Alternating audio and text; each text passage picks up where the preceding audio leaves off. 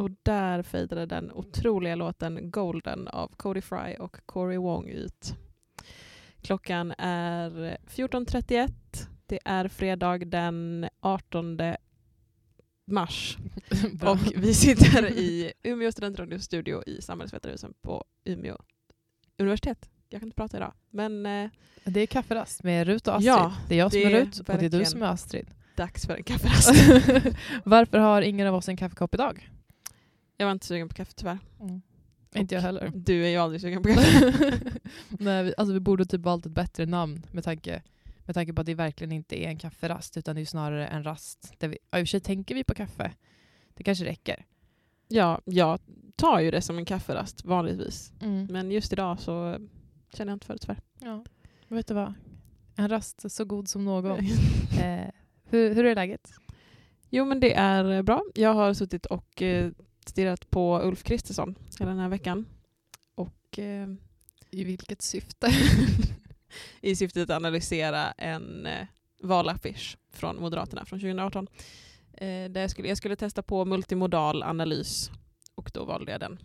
För att jag tyckte att den hade ett ganska tydligt budskap. För våra lyssnare som inte vet vad en multimodal analys är. Eh, Vad är det? ja, eller för mig kanske det roliga med det här är att när vår lärare hade föreläsningar i detta så sa hon liksom att ja, det här är ju lite av ett påhittat begrepp. Det finns typ inte i litteraturen. Lycka till att hitta grejer, men ni måste referera till allting. Så det var lite oklart. Vilket jävla prank. Ja, verkligen. Sen var det inte så himla farligt. Jag tyckte ändå att man hittade bra grejer i böckerna. Men jag läser ju då media, kommunikationsteknik, vetenskap. Gud, jag, jag kommer, det här kommer inte bli en bra sändning. Men eh, vi kämpar på. Eh, it, som man brukar säga. Så just nu håller vi på att lära oss vetenskaplig metod och eh, när man tittar på media så kan man se allting som skapas som eh, texter kallas det. Mm. Och idag så är ju inte texter bara text att analysera utan de, man förmedlar ju budskap med mer än bara text, så med bild och med ljud och med annat. Så då skulle vi testa, och då kallas det multimodal, att det är ett multimodalt, eh, en multimodal text och då får man ju analysera den multimodalt med flera verktyg. Presenterade de det som att det var någonting som var nytt? För det tänker jag argumentera emot då i sådana fall. Alltså, menar du att, att man kommunicerar med... Med... Kommunicera med bilder. För det känns ju som så här, vad har vi gjort sedan antiken? Vi har gjort statyer, vi har gjort liksom de här gamla japanska träsnitten. Det finns ju otroligt mycket att analysera. Jo, eller analysera. absolut. Och när jag har pluggat historia så har vi suttit och typ tittat på gamla affischer från tidigare men också bara vad betyder den här jättemycket så här religiösa målningar har ju jättemycket symbolik. Det är ju inte bara här är en bild på Jesus utan Jesus håller i någonting i en viss vinkel. Mm. Och vad symboliserar liksom blodet som rinner från hans sida eller från hans huvud och vem är det som står i bakgrunden och där är Maria från Magdala och Mm. där är Judas och vad symboliserar det och Ja, hur kan man nej, koppla alltså, det? det är ju Alltså, absolut inte något nytt att man tittar på ett djupare budskap tror jag. Men att kalla det multimodal kanske är nytt. Jag vet Mm. inte. Men det stod i alla fall lite på det sättet.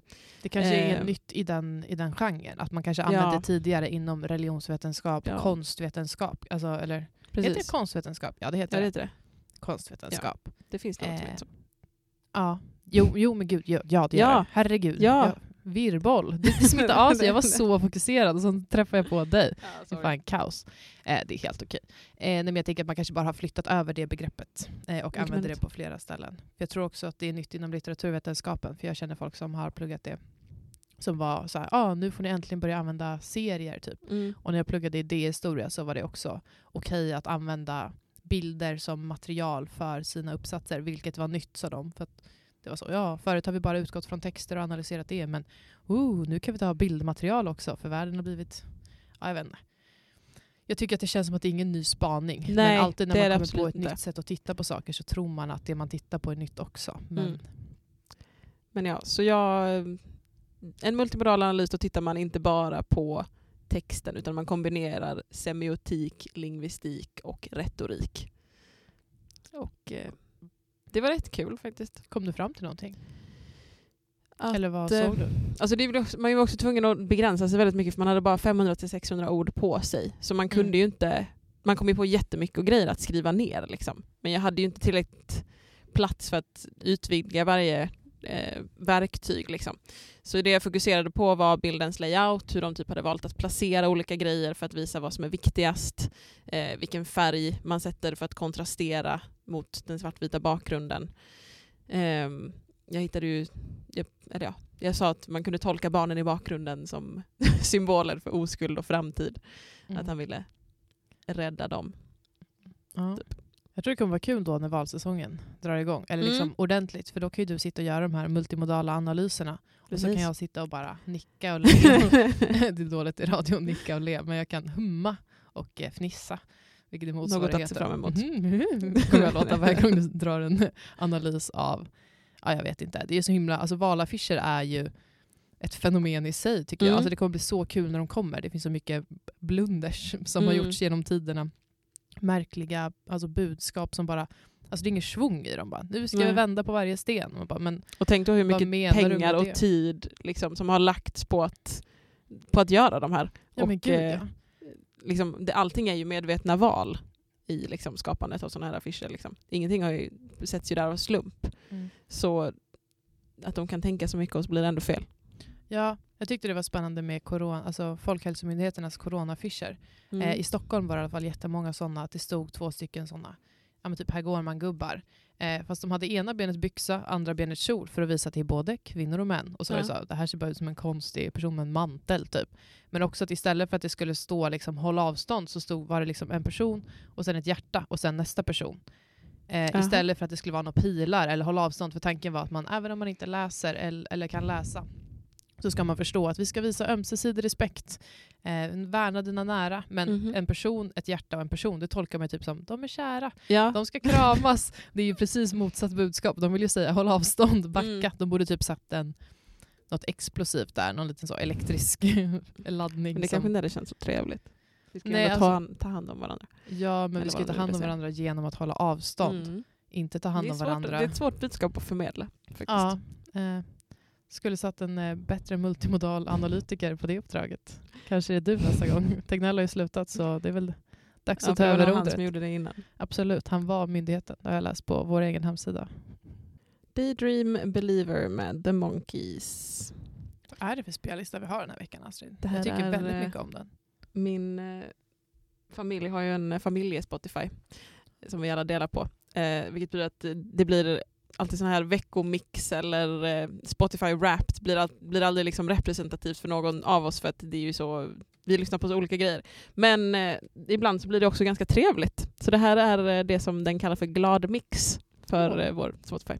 Gud vad roligt att ha det. Mm. Eh, Jag tänker speciellt nu när du inte bor med din familj att det blir nästan lite ja, men som en smyginblick i oh, Mm. vad lyssnar min lillebror på? Vad har mina föräldrar hamnat i för fas? Det. Du kan ju inte se vem det är som gör det men ifall det plötsligt skulle komma Jag kan, jag kan väl- ofta räkna ut. Ja, det är nästan roligare då, kunde vara så. Ha, vem är det som lyssnar på den här otroligt jag vet inte, speciella hårdrocksmusiken som dyker upp? Eller hiphop? Jag vet inte vad den lyssnar på. I min familj så lyssnar alla på exakt samma musik. Mhm. Och, Och det är, alltså jag är indoktrinerad i det. Mina föräldrar lät inte mig lyssna på musik de inte tyckte var bra. Eh, vi hade gemensam Spotify och en högtalare. Så det var så. Vi, vi turas om. Det var liksom Okej. varannan låt och så fick man liksom sätta på det på högsta volym och vart man än var i lägenheten eller huset så fick man liksom höra varandras. Vilket Mm. gör att alla hade åsikter om varandras låtar så vi spelade typ bara låtar som vi visste att ingen skulle bli jätteprovocerad av att höra för Okej. att då kanske någon skulle springa och byta för att den var för dålig. Mm. Man kunde inte heller så superintensivt repeat-lyssna på samma låt om och om igen utan man var tvungen att vidga sig lite. Man kunde liksom inte fastna i en smurfhit om man var Nej. så liten eller vad det nu kunde vara. Eh, men det gjorde också att vi liksom konvergerade våra musiksmaker för att använda ett, ett fint ord. Det vill Just säga det. att alla började lyssna på varandras musik. Mm. Och typ idag när jag och min mamma, ja, men man kan ju göra det på Spotify att man eh, gör en gemensam spellista och så kollar man så Mm. Eh, hur många procent matchar ni? Och det var ju så 97 procent. Eh, vi lyssnar på typ exakt samma. Och nu bor vi inte i samma stad och vi har inte gjort det på två år. Men varje gång vi ses så säger åh jag har hört en ny låt. Så är det så ja men jag har redan hört den. Eller åh jag upptäckte en gammal låt som är jättegammal som jag inte har hört förut. Och då är det så här, Mm. ja men den har dykt upp för mig också. Det är som att vi har samma algoritmer men Ja. olika konton. Kul. Eh, ja men det är typ lite kul. Och det är roligt för att ja, men mina småsystrar lyssnar på sånt som jag lyssnade på för några år sedan. Det är som att vi bara går i samma i samma fotspår och samma cykler. Ja, det är lite tråkigt dock, eh, apropå ja, men det här med att man inte får inblick i någonting annat. Att hör jag en ny låt eller vill ha lite ny musik så kan jag liksom inte fråga min familj eller tipsa min familj för det blir bara rundgång. Det är som att liksom spela paddel, typ att så bollen bara flyger tillbaka rakt i ansiktet. Kanske var en bra boll, men eh, det blir inte så vidgande av vyer.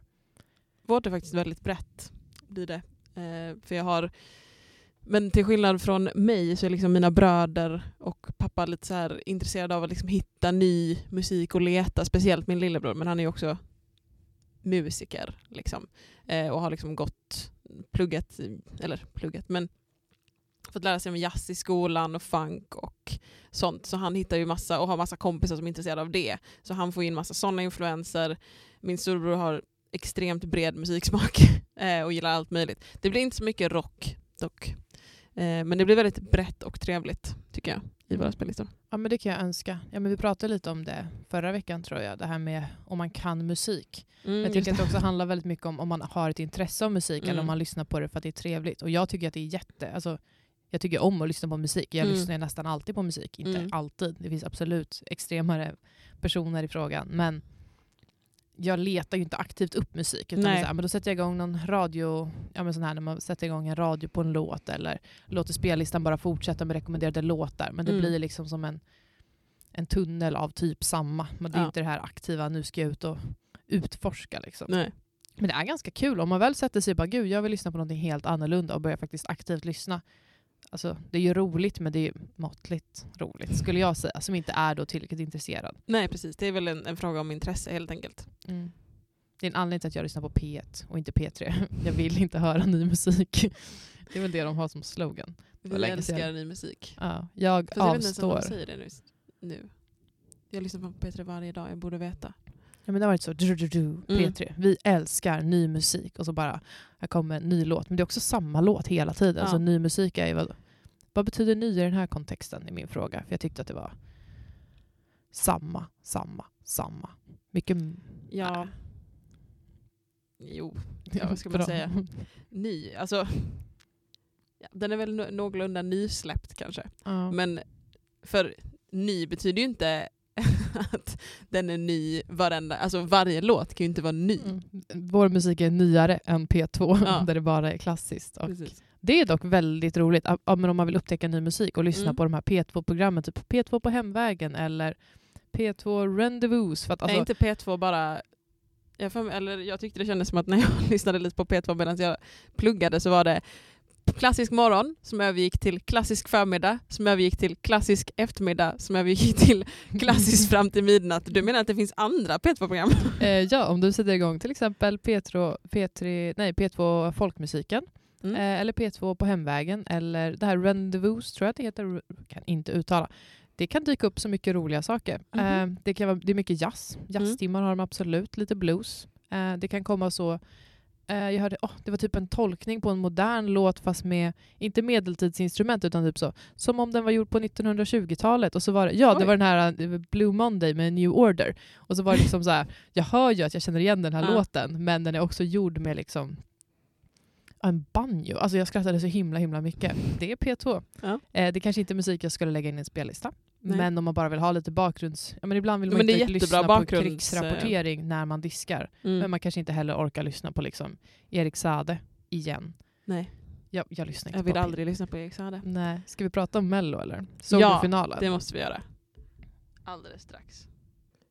The Real med Busty and the Bass var det där. Du lyssnar på Kafferast med Rut och Astrid. Och i helgen så var det ju mellofinal. Ja, det var det. Såg du den?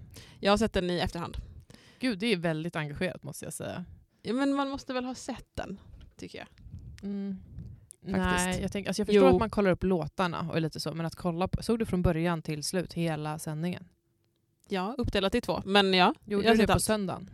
Eh, jag såg lite på söndagen och sen såg jag lite igår. Så är det Mm. sista faktiskt. Jag tänkte om det var så vakna bakis på söndag var så, då kan vara nice att ha Mello på i bakgrunden. Ja, precis. Men det var, det var Vinterstudion först.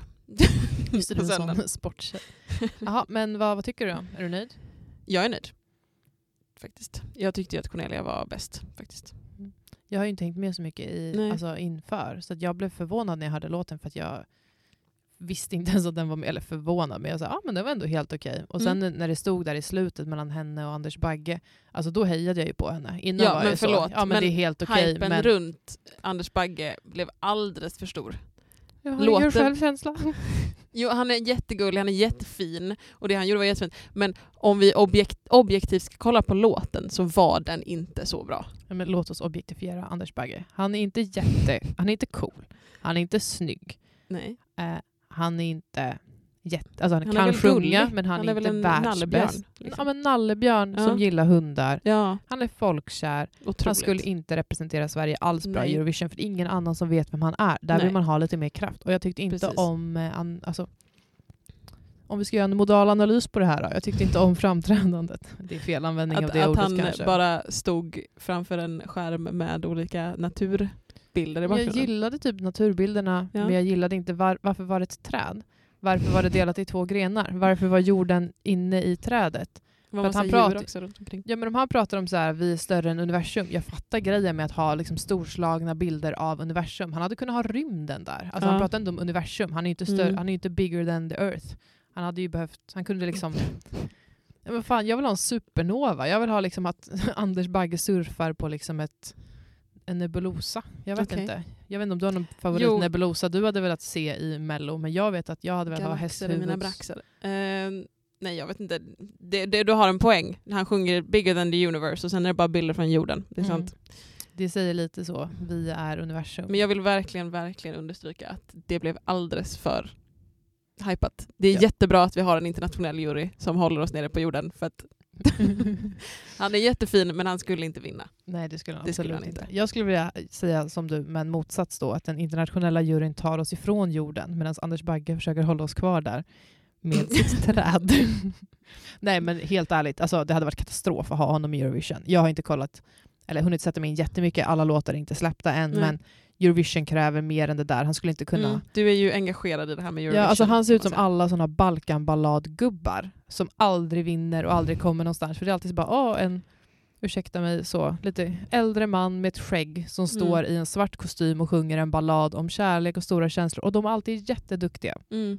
Supervackra röster, säkert vackra budskap. Jag kan inte inte språken mer de än så. sjunger på. Kommer aldrig någonsin komma någonstans. Alltså Bagge Nej. hade inte kommit till final. Det hade blivit Anna Bergendahl 2 och det hade varit stelt. Och Anna Bergendahl gick länge utan att få poäng av den internationella juryn. Vi hade också glömt hennes bidrag. Jag, liksom så här, så jävla jag har glömt vad den heter igen, men jag liksom satt och tittade på Higher Power, heter den va?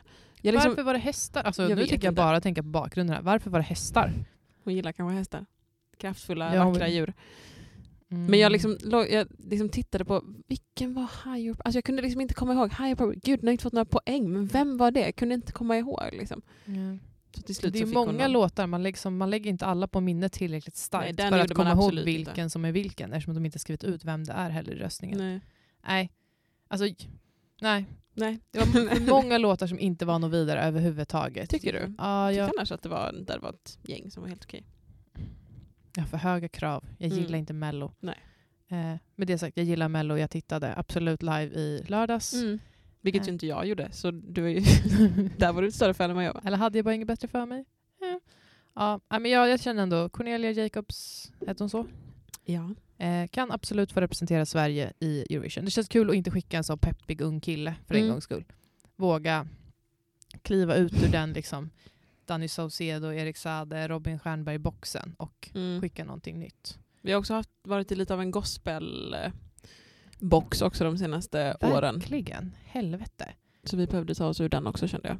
Mm. Apropå Det gospel. är jättetrevligt med gospel, men eh, man kan inte skicka det fyra år i rad. Nej. Kan alla sluta vara barfota också? Tack, då var inget mer att säga om den saken. Vi lämnar ämnet. Apropå gospel, jag, jag vill verkligen göra en övergång. An American Song Contest. Hur många procent gospel kommer det vara i den? Oh, det måste bli en del va? Tror jag. Jag vill ha en siffra. Ehm, ja men eh, 13. 13 procent gospel. Ja, Det är ganska rimlig uppskattning skulle jag säga. tack. Eh, vi får se vem som har rätt. Tänker du kolla? Det drar väl igång nästa vecka? Hörde jag att du berättade för mig för fem minuter sedan. Ja, Peter Settman har ju varit runt på lite mediaturné. Har du, vet du liksom vilka som har tagit det här till USA? Jag vet att Christer Björkman är där Mm. och gör. Eh, han lämnade ju Sverige för att delvis han var tvungen att lämna ett sjunkande melloskepp, ge vidare till unga generationer och så vidare. Men också för att ta, länge. ja, alltså jag tror han var dödlös på det jobbet helt ärligt. Mm. Eh, tog det till USA tillsammans med andra. Ja, eh, han är ju då typ chef för det kre- kreativa medan Peter Settman har varit chef för att sälja in idén i USA. För att Mm. han typ har hållit på i USA ett tag med tv. Jag hade dålig koll på det. Men, eh, och de har sålt in det till eh, NBC, alltså liksom USAs SVT typ. Mm. Programledare för det här spektaklet. Det är också, det är också en jättestor apparat för det är liksom så här 52 deltagare liksom, för eftersom alla stater är med. Det är nog till och med fler för att det var alla terri- territorier och Washington DC får, köpa, får skicka en egen. Gud, det blir supermaffigt. det är Men jättemaffigt. hur många deltävlingar blir det då? Det måste vara jättemånga. Nej, kan det vara åtta? Låt mig eh, slå upp det här på Instagram riktigt snabbt. Jag tänker låta dig göra det och så tänker jag spåna fritt medans. För att om det är så många med, jag undrar hur det kommer gå till typ med röstningen. För att det måste vara ganska svårt att låta alla rösta samtidigt. It's a state versus state in a live eight week event. Åtta veckor. Mm. Och jag som tycker att Mello måste bantas ner, för det är sex veckor, det här är ju enormt. Ja, men tänk hur många bidrag där då. Ja, ja men jag fattar ju. Men jag undrar om det kommer att finnas tillräckligt mycket engagemang så tidigt eftersom att Mello var ju mindre och sen byggde man ju ut det för att Mm. intresset ökade och man såg att det fanns ett behov. Jo. Och nu så minskar kanske behovet och man kanske borde dra ner lite på det istället för att ja, pressa. Eurovision var ju också mindre. Liksom. mm. Förresten, hela din idé om... Du har ju pratat om det här med att Eurovision var ett fredsprojekt Mm. och allt det här. Det var så Peter Settman sålde in idén i USA. Ja, men jag kan tänka mig det. Alltså Vi Eurovision är så är, polariserade i det här landet. Ni behöver någonting att Mm. unite. Den här spaningen hade jag förra året. Eurovision som nationsbyggande projekt och varför vi borde ta det till USA för att ena ett splittrat USA. Men jag tror att det kan du funka. och Peter Settman. Och Two många, great många. minds Ja. think alike. Rut och Peter. Ja, men det känns fint. Och det med här great event är hosted by inga mindre än Jag vill ha en trumvirvel, men jag kan Ja. inte göra det. eh, Kelly Clarkson och Snoop Dogg. Snoop, ska han verkligen... Ja det ska han. Eh, det säger mer om Snoop Doggs karriär än om hur bra den här är. Gud vad jag är taggad. Alltså det där kommer bli Det kommer bli jätteroligt. Jag ska kolla. Jag kan, Mm. jag kan inte göra några spaningar än, men jag ser väldigt mycket fram emot att det kommer vara ett jävla halabaloo. Ja, Det ska bli spännande. Ja. Och enligt Christer Björkman så har de sex stycken världshits. Oj. Men vet du varför det kommer att vara världshits? Nej. För att det är ett jättestort arrangemang. Alltså det kan typ, alltså om de inte genererar världshits, även om det är skämt. Alltså Ja, tänk ja. liksom, i Sverige kan ju vara så, eh, vad fan heter han då? Edvard Blom. Han Mm. blir ju typ en hit för att alla har ju hört låten för att den var med i Mello och därför Ja, men jag spelas tror, den på nu tror jag förskolor. inte att han menar riktigt det. Okej, men vad är Christer Björkmans definition av en världshit? Alltså då menar han väl en, en typ Billboard-etta. Ja, det är, jag tänker att han bara dålig. Sen om den kommer ta sig till etta på Billboard är en annan sak. Men att det är den, det stuket. Liksom. En, en poplåt som kommer bli megastor. Liksom. Mm. Vet man vilka artister som ska vara med? Är det liksom kända kändisar eller är Där det är lite så... n- några kända namn. Men det är, inte, det är ju inte liksom Lady Gaga och eh. Kendrick Lamar. Liksom, Det utan, tycker jag är bra. Ja, Eh, faktiskt. Men det är också första året. Eh, Mm. Så vi får väl se. Men eh, Cisco är tydligen den som ska vara med. Michael Bolton ska göra comeback och Oj, oj, oj. tävla för Connecticut. Ja, men det, jag tror det kan bli ganska spännande. Mm. Det här kan ju antingen ena USA för att de blir vänner för att de Ja. har ett gemensamt projekt, eller så splittrar USA för att de inte hejar på varandra och delstaterna blir Precis. ännu mer egotrippade. Det Det- ska bli så himla, himla spännande att se. Ja, det vore ju skönt att slippa ett amerikanskt inbördeskrig över att fel person har vann en American Song Contest. on. Ja. Ja, jag jag ser fram emot det. Jag med. Sucker med Ellie Dixon. Yeah. Yeah. jag bara antog att du skulle ta kommando. Ja, det Då tar jag också. kommando. Gör det, Eh, har du ett pass, Astrid? Ja det har jag faktiskt. När går det ut? Det går väl ut... Eh, för grejen var att jag förnyade mitt eh, coronavåren. Smart. Ja, för att eh, mitt höll på att gå ut då och jag eh, trodde att jag skulle ut och resa. Ha, Ha, ha. Tji fick du. Tji fick jag. Men eh, så, vad blir det? 2020? Ja, 2025. Ditt pass är med andra ord aktuellt, eller Ja. det gäller. Och det känns ju bra för att det pågår lite annat, lite grejer på passmarknaden. Ja. Hur ser det ut för dig? Eh, mitt pass är, eh, väntar hos mig eh, väntar på mig hos polisen Umeå. För jag Okej. eh, kom på att jag har inget pass. Det har gått ut och jag Mm. kanske ska åka bort i sommar. Mm. Eh, jag förnyar det, bokar en tid. Oj vad lång tid, tre veckor. Jag tyckte det var så jobbigt att vänta. Ja, Nu står jag här tre veckor senare och är så sjukt tacksam. För, att nu har jag bekanta som försöker byta, alltså, boka en passtid. Mm. Och det är, alltså, det är fullt till juli. Juli i Umeå. Juli. Det är, alltså halva sommaren har gått. Och det är väl kombinationen av, oj, världskrig, kanske. Vi måste förnya våra pass ifall vi ska fly. Det finns någon sån tendens. Men framförallt coronaeffekten av att Ja. det är ingen som har tittat på sina pass. Nej, Jag fattar ju inte nu att mitt tänker hade... alla att de ska få åka utomlands. Ja, men tji fick vi, för nu är det världskrig. Nej, det är inte världskrig än. Nej. Men ja, jäklar vad, vad jag tycker synd om alla. För det är också så himla. Jag har hört att folk köper och säljer passtider illegalt. Mm. Eh, det marknaden. stod om det ja, nu i VK. Polisen ska stoppa försäljning av passtider. Okej. Eh, ja, jag, jag vet inte ens hur det går till helt ärligt. För att man bokar ju en tid i sitt namn med sitt personnummer. Man kan väl inte bara gå dit och, och få ett, ta någon annans tid. Fast man kan ju boka till typ eh, syskon eller alltså barn eller sådär. Ja. Men jag vet inte riktigt hur det där funkar. Ja, det känns ju helt sjukt att vi liksom i Sverige har hamnat här. idag har en situation där folk är så desperata efter pass. Jag förstår ju varför, man kan inte öppna fler passtider. Och det känns jättedumt att ingen har kollat sitt pass i två år. Mm. Och jag skulle vilja skratta åt folk, men jag var ju en av dem. Alltså jag ju, hade ju bara tur att jag upptäckte det tre veckor innan alla andra, för att min mamma Mm. var väldigt god tid när vi skulle börja diskutera om vi skulle åka bort i sommar. Mm. Ja, det känns skittråkigt Ja. eh, för dem. Tråkigt. Hatar jag att stå i kö. ju, ja det är tråkigt. Jag hörde också det att det är ju tråkigt det här också för att nu kommer det ju bli nu, eftersom alla förnyar nu samtidigt så kommer det bli samma sak om fem år när alla går ut. Men då kanske alla kommer Så ihåg hur fem- jobbigt det var och så kommer folk kolla lite i förväg nästa gång. Så här, Åh, minns du vad segt det var när vi missade våran semester? Men hur bra är folk på att komma ihåg sånt? Inte alls bra. på sånt. Ska vi ställa ett alarm i telefonen? Om fem år så ska vi komma ihåg att förnya Vi passet. sa det, så det, nya, det blir det nya skottåret, passåret. Det är ju jätteroligt, en tradition. Hela svenska folket går och förnya passet Hela tillsammans.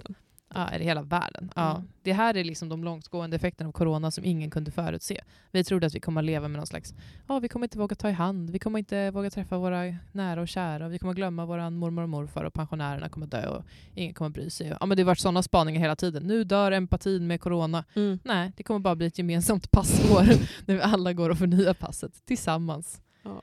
Fin. Men gud vad din telefon vibrerar. Blir inte du stressad av dig själv? Jo, men är det du så ska inte populär? du kommentera i Nej men det, det vibrerar. Jag skammade ju som Så. fasiken. Nej men förlåt. Kör på. Eh, apropå att stå i passkö och lång kö. Mm. Eh, demokratiskt dansgolf var du på. Inte Ja. jag, det var väldigt lång kö. Ja, det var helt rätt beslut. Jag, det var därför jag inte såg eh, Melodifestivalen-finalen live eh, i lördags. Jag skulle gå på Demokratiskt dansgolf som hade ny premiär på, eh, arrangerat av Elektra men det skulle vara på Folkets hus Idun. Och det var så eh, smidigt för att eh, min kompis var kompis med eh, folk i de olika DJ-lagen som skulle spela så hon lyckades sätta upp oss på någon slags lista. Och då var vi väldigt avslappnade när vi eh, förfestade och tänkte att men då är det ju lugnt. Då kan vi ju, för lista för mig brukar betyda att då står man inte i den vanliga kön utan då Ja. går man in. Jag tänker att det är det som är grejen, att man är Ja, garanterad precis. en plats. Mm. Så när vi väl glider in där och tänker att nu ska vi bara gå in så visar det sig att eh, lista betyder inte företräde i kön Mm. utan det betyder bara gratis inträde fram till klockan 12. Så det var bara att ställa sig i kön och där stod vi i en timme. Det är inte en så lång tid, men eller det finns Det absolut längre tid. Men också så himla tråkigt att stå ute en lördagkväll en timme i en kö. Ja, Det här är typ varför alltså, uteliv är inte så lockande för att det är så jäkla omständigt. Det är Mm. skitkul att vara ute, det är Mm. jättekul att dansa. Men mm. det är så mycket hinder. Det Ja. är en kö, ja. det är planering av liksom, att ta sig dit, vara där i rätt tid. Ja. Även om man försöker planera så måste man stå i en kö. Sen är det ofta ganska dyrt inträde, Mm. eh, vilket kan vara okej om det är bra när man väl kommer in. Ja. Finns det några garantier för det? Absolut inte. Jag gick inte på demokratiskt dansgolv. Nej. Det var för lång kö. Mm. Jag gick inte på Rex. Det var för lång kö. Mm. Jag har inte varit ute mycket i Umeå så jag hade inte ens varit på Rex förut. Jag har inte varit på demokratiskt dansgolv. Men jag Nej. tänkte jag ska fasiken vidga mina vyer. Vart hamnar jag? Cinco. För i Mm. helvete vad tråkigt. gud vad det inte var värt en enda krona. Men samtidigt, vad ska man göra? Man har ju inte några alternativ. Jag, Men kan de inte, dyr, dyrt internet också. jag vet inte. Jag bara 120 betalade och blundade och förträngde direkt. Och vad händer när jag kommer in? Är det värt det? Är det så att jag har betalat nu och nu får jag i alla fall dansa och ha kul? Mm. Jag får dansa så mycket jag vill. Men det är en, inte, inget demokratiskt dansgolv, diktatordansgolv. Jag tror de spelade Single Ladies tre gånger på den timmen som jag var där och Det är ju en dansade. Nej, de försöker många pressa fram glädje i en publik som uppenbarligen inte är glad. Nej. Eh, då har de gjort ett dåligt jobb, det är dåliga DJs. Nej, jag är jätteirriterad Du- ja. på mig själv, så för jag visste också det för att jag bara hört Men dåligt jag- om Cinco. är stolt över dig som vidgade dina vyer och gick dit. Ja. För nu kan du i alla fall själv säga att du inte tycker att det är bra, för att du har Ja. varit där själv. Ja, det är sant. Jag kan säga. Jag, vad säger man? Jag har varit där och överlevt. Jag är starkare på andra sidan. Eh, Du kom, du såg, du gick hem. jag kom och såg, jag gick hem eh, med en, eh, skam, en, en röd skammarkering på armen där det stod Cincos logga. Satt fast, nästan som en tatuering. Nej, jag blev skammad av många Mm. eh, vänner som hade varit på en konsert. Och det var också det att istället för att gå på konserten med dem så var jag på Cinco. Och Mm. de var såg Johan Arjoki på Droskan Mhm. vilket är en artist. Ja. Det var även Miss Li vet jag. Det var, många hade roligare kvällar Okej. än Rut på Cinco. Mm. Det var gott sällskap dock. Alltså jag ska inte skamma mina kompisar som var där. Vi kämpade på, vi dansade, Mm. vi gjorde det bästa av situationen. Men Single Ladies första gången, helt okej. Andra gången, tveksamt. Tredje gången, då Då går det man hem. Mm. Tredje gången gilt. Ett, två, tre, hej då. Jag tänker inte gå med på det. Medan jag då skulle dansa för att rösta på olika lå- låtar. Jag fattar inte hur det funkar. Om Va- jag ska vara helt ärlig. Var folk för fulla för att konceptet skulle hålla? Nej det tror jag inte. Men jag, det blev ju ingen sådär jättetydlig uppdelning. Eh, och jag vet inte riktigt när det var de räknade vilka som röstade på vilket. Det var, det var ganska oklart. Sådär. Mm. Men, eh, och sen så hade jag tyvärr lite problem med att jag tyckte att själva lokalen gav mig högstadiedisco-vibes. Det kan jag tänka mig. Ja. Jag har inte varit jättemycket på Folkets hus i Umeå, men Folkets Nej, men hus det är ju dels att du kommer in i en foyer som är liksom helt upplyst med liksom lysrörsbelysning. Det är liksom ingen Ja. stämning där direkt och där måste du hänga ifrån dig jackan och det är också där du måste gå på toa eller om du ska gå ut en sväng så kommer du upp i det här ljusa, ljusa rummet och det känns inget trevligt. Ja, det är ingen klubbstämning. Nej, och sen hade man stått en timme då och nyktrat till rätt så ordentligt. Och så kommer man in och så är det dels den här det här kapprummet liksom och sen kommer man ner och det var typ jag tyckte att det var lite för stort rum och lite för ljust ute i hörnen. Mm. så jag fick liksom ingen känsla riktigt. Nej. Ja, det låter jättetråkigt faktiskt. Det Ja, lyckades tyvärr. vi jag med vill gärna- i alla fall. Nattklubbskänslan. Ja, Det typ luktade nattklubb. Mycket svett. nice. Ja. Men så det, jag, jag vill jättegärna testa det igen men med bättre förutsättningar. Mm. Ja, alltså jag Det är ändå en kul idé. Ja, och jag tänker också att så här, det kanske blir roligare musik också. Mm. För att man kan styra lite och att de som spelar spelar vad de tycker är kul för att testa lite publiken. Vad Mm. publiken tycker om. Men också försöker spela crowd pleasers för att alltså, vinna. Eller vad Ja man ska precis. säga. Jag menar, alltså, all, Gud, alla vad skönt att- förslag var ju bra förslag. Liksom. Mm. Vad skönt med liksom ja. ett demokratiskt dansgolv, alltså där de två alternativen inte är liksom... Men jag vet inte, det känns som att här, det är fult att bara spela crowd pleasers för att det är också kul att bli lite utmanad i sitt dansande och spela till något nytt men så himla skönt också. Alltså, jag hade blivit ledsen om det var bara ABBA-låtar hela kvällen till exempel. Men alltså, jag vet inte ens vad det min spaning är. så. Jag är glad att demokratiskt dansgolv finns. Jag vill också gärna prova någon gång. Eh, jag är för demokrati. Inte gillar den Cinco. grejen. V12 med Ian Dior. Och jag Rut, eh, det har kommit till min eh, kännedom att du är eh, någonting som kallas för veckans humanist. Ja, det Vill du berätta mer om detta? snabbare än vad jag trodde. jag trodde inte att någon skulle vara inne på Umeå universitets hemsida och gå in på humanistiska fakulteten och sen klicka sig vidare till den lilla fliken Veckans humanist som då är Umeå universitets satsning på att få folk att plugga humaniora? Mhm. Frågetecken. Det gör vi ju båda två faktiskt. Räknas journalistik som humaniora? Ja, Ja, tror det. jag tror att, ja det är ju under samhällsvetenskapliga. Men det kanske räknas som humaniora? Jag vet inte. Vi ligger under Humsek i alla fall. Ja men då borde är ni det humanister. Grattis, du kanske är nästa veckas humanist. Jag ska få jobba på det ett tag. Men Ja. eh, berätta mer, vad, be, vad betyder det? Eh, Vad är en humanist för dig? Det är ju jag då, uppenbarligen, den här veckan. Eh, jag vet faktiskt inte vad det här betyder. Jag fick ett mejl som var Hej, jag har hört att du studerar på Umeå universitet. Jag gissar att det är min programansvariga Mhm. eh, som har lite utvecklingssamtal och sånt med oss. Som var så, ja men Rut är intresserad student som gör saker. Och får jag ett formulär skickat till mig Astrid, jag fyller i det. Ja. Alltså, jag bidrar till samhället. Om det är forskning, om det är att skicka ut en stel bild på sig själv och motivera varför man pluggar humaniora på Umeå universitets hemsida. Jag gör det. Kanske därför jag sänder radio live. Vi behöver någon som sänder live. Jag, Jag gör gör det. det. Vi behöver någon som eh, städar studion. Jag gör det. Jag, jag gillar att göra saker. Mm. Eh, så jag fick ett mejl med fem, sex frågor som jag Okej. svarade på som handlar typ om varför jag pluggar. eh, Men det är liksom universitetet Ja, det är humanistiska fakulteten som liksom Okej. har det som något sidoprojekt. Så varje vecka lägger de ut något. Eh, det är både studenter, det har inte varit jättemycket studenter hittills dock, men lite, någon professor på universitetet, eh, någon konstnär som är kopplad till universitetet, hon Markatta Labba, vad fasken heter hon? Det är någon konstnär, hennes tav, det sitter några Okej. tavlor av henne borta på, i Humhuset. Ja. Eh, ja, och så lägger de ut det varje vecka för att folk ska få inspiration och bli sugna att bli en del av denna fakultet.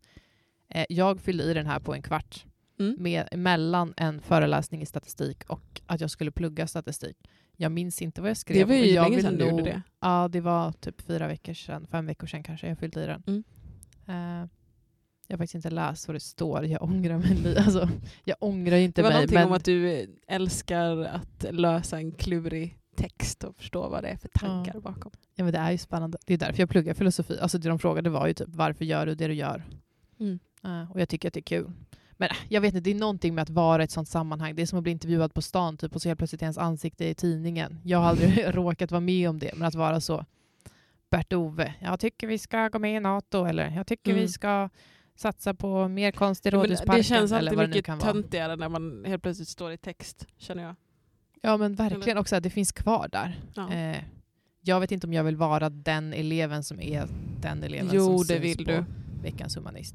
Ah, det spelar ingen roll, nu är jag det. Nu är du det. Heja mig. Vad ska du göra åt det? Eh, jag vet inte. Jag får leva med det och så hoppas jag att jag inspirerar andra att eh, ge sig in i humanistlivet. Mm. Mycket jobb på vägen till inget jobb, skulle Mm. jag kunna säga.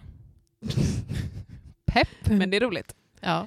Men hallå, Men- apropå jobb. Du ska ju jobba, du ska bli journalist på riktigt i sommar, har jag hört. Gud vad du... Eh... Ja. Kan jag inte få outa dig? Du har ju sagt ja. Ja, jag har tackat ja. Det, Ja. har jag. Hur känns det? det känns eh, bra, tror jag. Lite läskigt, lite knäppt. Eh, alltså, vem hade kunnat tro det här för ett år sedan? Så att säga. Lite så, tänkte Ja, jag. men jag tycker det är imponerande. Du har inte ens gått ett år journalist Nej. och du har redan lyckats landa ett journalistiskt jobb. Eller jag Ja. vet inte exakt hur, vad du kommer få göra. Nej, det vet faktiskt inte jag heller. Jag ska jobba på lokaltidningen hemma. Jag vet inte ens i vilken stad jag ska vara, faktiskt. det löser sig. Men det löser väl sig. Det eh, känns ju knäppt och eh, läskigt, som jag sa. För jag har inte läst det där jättemycket journalistik mitt första år nu. Men eh, jag tänker att man, det bästa sättet är väl att, att ta sig dit och lära sig saker när man kommer dit. Ja, men det är det jag tänker. Så att även om du pluggar tre år på universitetet så kommer du inte ha alltså, de praktiska kunskaperna som sen krävs när du faktiskt är ute och jobbar. Och det kommer Mm. att se så himla snyggt ut på ditt CV eh, när du faktiskt är färdigexaminerad. Att du inte bara är examinerad utan du också har jobbat med det. Mm. För det är ju typ jättemånga som pluggar lärare som de måste ju typ jobba som vikarier parallellt för att ens ha en chans att komma in på arbetsmarknaden. Jag tänker att som journalister också Jag trodde att det var hög. världens bästa arbetsmarknad om man ville bli. Absolut inte. Inte? Nej, det är ganska hård konk- konkurrens. Bero, alltså om du vill kunna styra vart du bor i landet. Men Ja. kan du tänka dig att flytta till Jokkmokk, fine, de kommer säkert vilja ha dig. Du måste ju ha rätt ämnen och vara lite flexibel och kanske inte kan ställa hur mycket krav som helst hela tiden. Men ja, alltså det ser så himla bra ut. Ah, Vi behöver inte prata om lärarsituationen. Jag är väldigt... Nej. Eh, jag tänker inte gissa mig fram i Nej. den frågan. Men det är intressant för det har ändå varit ett sånt Alltså på den här listan man har haft i bakhuvudet av liksom vad ska jag bli för någonting så har lärare alltid funnits där för mig för att jag tror att jag har nog naivt tänkt att lärare behövs alltid. Det är ett yrke i kris. Så det, kan kommer jag alltid all- bli det om jag vill ha ett jobb sen. Men det är också ett sånt, lär, alltså ett sånt yrke som faktiskt kommer finnas kvar. Vi kommer Mm. fortsätta behöva lärare. Ja. Eh, min mamma brukar säga att du ska plugga någonting som du inte riktigt kan förklara vad det är du gör, för att då kan du inte bli ersatt av en dator. Eh, Okej. Och det stämmer ju inte för läraryrket, men det är så här, en lärare, en läkare, folk, alltså alla vårdyrken, det här är ju jobb som kommer fortsätta finnas Mm. oavsett Eh, men sen kanske det är liksom i perioder mer eller mindre lättillgängligt att få jobb. Journalister kommer ju också alltid behövas. Frågan Mm. är vad kommer vara arbetsbeskrivningen? Ja, Ska precis. du fota, hur, kommer, hur filma? kommer det funka? Men det, själva yrket behövs ju alltid. Mm. Ja, så du, ska ju, du är ju tredje statsmakten. Eh, I sommar är det du som ska rapportera så att det blir ett demokratiskt val i Sverige. För att det är Mm. journalisterna som granskar. Och Det så ligger nu på vidare. mig Ja. Och vad ska jag göra? i norra Skåne. Ja, vad ska du göra? Eh, Jag har sökt en del jobb, helt Ja. ärligt. Eh, ja, det här kan vi prata om. Hur känner man sig på en jobbintervju? Så jäkla konstig situation. Å ena sidan känner Vi man pratade sig lite om som... detta förra veckan också. Ja, som jag men då- man känner sig sämst, man känner sig Mm. bäst. Man känner som att man ljuger, man känner som att man inte ljuger. Ja. Och, eh, och det är också som att man bara tar på sig, det är som att man kliver in i arbetsrollen innan man ens har fått den, vilket gör att men man svarar ju på alla deras frågor så som de vill att man ska svara på dem. Vilket Mm. också betyder att man sen måste leva upp till allting. Ja. Är du effektiv? Men det är Absolut. det jag känner är snabb. nu. Jag är journalist, jag är det här. Och sen kommer man stå där och ja, det är ju bara att vara allt det där. Ja, Eh, precis. men jag är it absolut en it. skrivande person. Jag eh, vill jättegärna, eller men det är ju sant, jag vill ju lära mig. Liksom. Ja, men Eh, den som men- minst kan har mest att lära. Ja. Du kommer lära Det- dig så mycket i sommar. ja, gud jag kommer lära mig mycket i sommar. Jag hoppas att jag får plocka mjölkpaket någonstans. Det hoppas jag också att du får göra. Jag kommer lära mig så mycket. Kommer du. Mm. Men du ska göra någonting imorgon, Ja, på tal om att göra saker. Precis. Det är ju Littfest. I, ja, det pågår i detta nu. Det började Mm. i igår. I stan på Sveriges Folkets största hus. litteraturfestival, Ja, den är jättestor. jag fattar det. Ja, jag hade inte det är- förstått hur stor den var förrän jag gick in och kollade. Det är jättemånga som kommer hit. Både Mm. stora och små namn och både svenska och icke-svenska. Jag såg att de hade slängt in lite extra från Ryssland och Ukraina. Ja, men de, har bytt, Eh. de hade bytt fokus lite sådär på Mm. stående fot. Snygg, snygg omväxling. Mm. Eh, precis. Det får man Eh. Jag har inte alls varit engagerad i det här men jag ska stå som volontär imorgon för att eh, ja, de behövde folk helt enkelt. Mm. Det var lite folk som hade droppat av på grund av att de hade blivit sjuka eller så. Eh, så jag ska stå som dörrvakt och se till att folk inte skriker i publiken, att det inte kommer in för många i salongen och förhoppningsvis Men då kommer det ändå stå på insidan så att du kan liksom som jag har lyssna förstått det på... får jag stå innanför. Eh, och då kommer jag nice. få lyssna på till exempel Annika Norlin som intervjuar. Sylvia Stallone. Någonting. Avalo. Ja, hon har skrivit en bok som heter Stål som jag tycker verkar Ja. jättebra. Jag var sugen på att gå på Littfest. För er som lyssnar som inte vet vad det är så är det en litteraturfestival. Mycket så författarsamtal. Ja. Antingen en eller två författare som blir intervjuade av någon. Men det är även lite musik på kvällarna. Eh, Alltså det var ju långa Nytt program, alltså det var många programpunkter mm. per dag. Ja, och allt finns ju digitalt också. Så man kan ju betala typ 100 spänn tror jag. Så får man ta del av liksom alla samtal man vill. Jättebra pris. Eh, det är jättebra. Och typ 200 spänn för att vara på plats. Alltså det var inte dyrt. Eh, och jag tror det finns biljetter kvar. Så att, eh, är man sugen kan man absolut komma. Mm. Eh, och jag kommer vakta en dörr. Eh, det är kul. Alltså, fler borde, alltså det är så himla värt det också. Att Ja. vara volontär på en sån här grej. Jag tror jag kommer stå i sex timmar. Och jag skulle ju få gå gratis på allt. Eh, sen kommer inte jag hinna gå på någonting förutom de sex timmarna när jag är där. Men jag, nästa år ska jag fasiken se till att göra det här i god tid och planera. Mm. Och se till att gå på hela. För att så himla kul. Jag tror det kommer... Jo men jag hade också gärna vetat om att jag, jag bara såg det på VK, att, Mm. det, att det, nu är det littfest i helgen. Ja. Jag hade liksom ingen aning om att den de här inte- otroligt stora litteraturfestivalen fanns här. Nej, det har inte alls varit jättebra marknadsföring för det här. Jag har ju sett det på Facebook, men det har inte varit några missa typ allt mega... Nej, inte så mega marknadsfört. Nej. Men Jonas Gardell kommer. Ja, Helena. Granströmer. Annika Norlin har ju redan sagt. Ja. Vilka mer kommer? det var någon mer som jag reagerade på. Stina Sandberg. Amat Levin kanske kommer, eller så har jag blandat ihop det med något annat. Mycket Han, släpper, eh, han släppte ju Svart historia, en bok nu Mm. här igår tror Ja, jag. men det är väldigt blandat. Det är liksom Mm. både skönlitterärt och lite, inte facklitteratur, men liksom mer seriösa böcker på olika teman. Lite serietecknare skulle vara med också. Men också att det är så, här, så är på kvällen. Mm. Eh, med liksom poetry, slam, uppläsning, typ lite Spännande. vanlig poesi och typ musik till. Eh, ja, jag tror det kan bli riktigt kul för de som Mm. går. Jättekul. Vi missar. Vi missar. Ring in och berätta om du var där. Det där var den superhärliga The Feeling med Sammy Ray and the Friends. Jag förstår varför det här var din första musikpsykos. Inte min första, min senaste. Din senaste. Visst är den härlig? Ja, det var väldigt, väldigt mysig. Mm. blev på sommarhumör. Det Mm. känns eh, otroligt tråkigt att det fortfarande är slask ute. Men det känns ju positivt att solen är på Men väg jag gick tillbaka. faktiskt hit med eh, öppen jacka. Ja, och Det är blir så varmt. Det är så varmt, det är sol, det är plusgrader. Sommartid slår de till på söndag tror jag. Eller måndag. Va? Jag är ganska Redan? bombsäker. Eller så är de Ganska en- bombsäker. Vi har pratat om det några i klassen, men sen kom jag på att jag inte vet om mina klasskamrater är säkra källor på en sån här sak. Men om det inte är den här veckan så är det nästa vecka, för Ja. jag har sett att det är en notis om det i kalendern.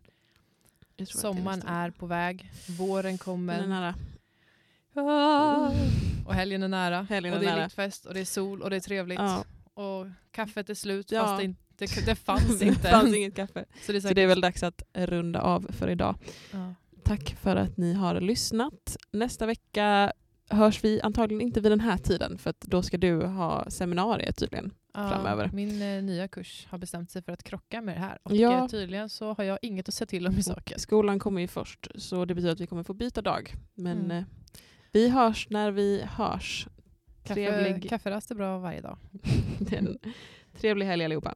Glad fredag. Glad fredag.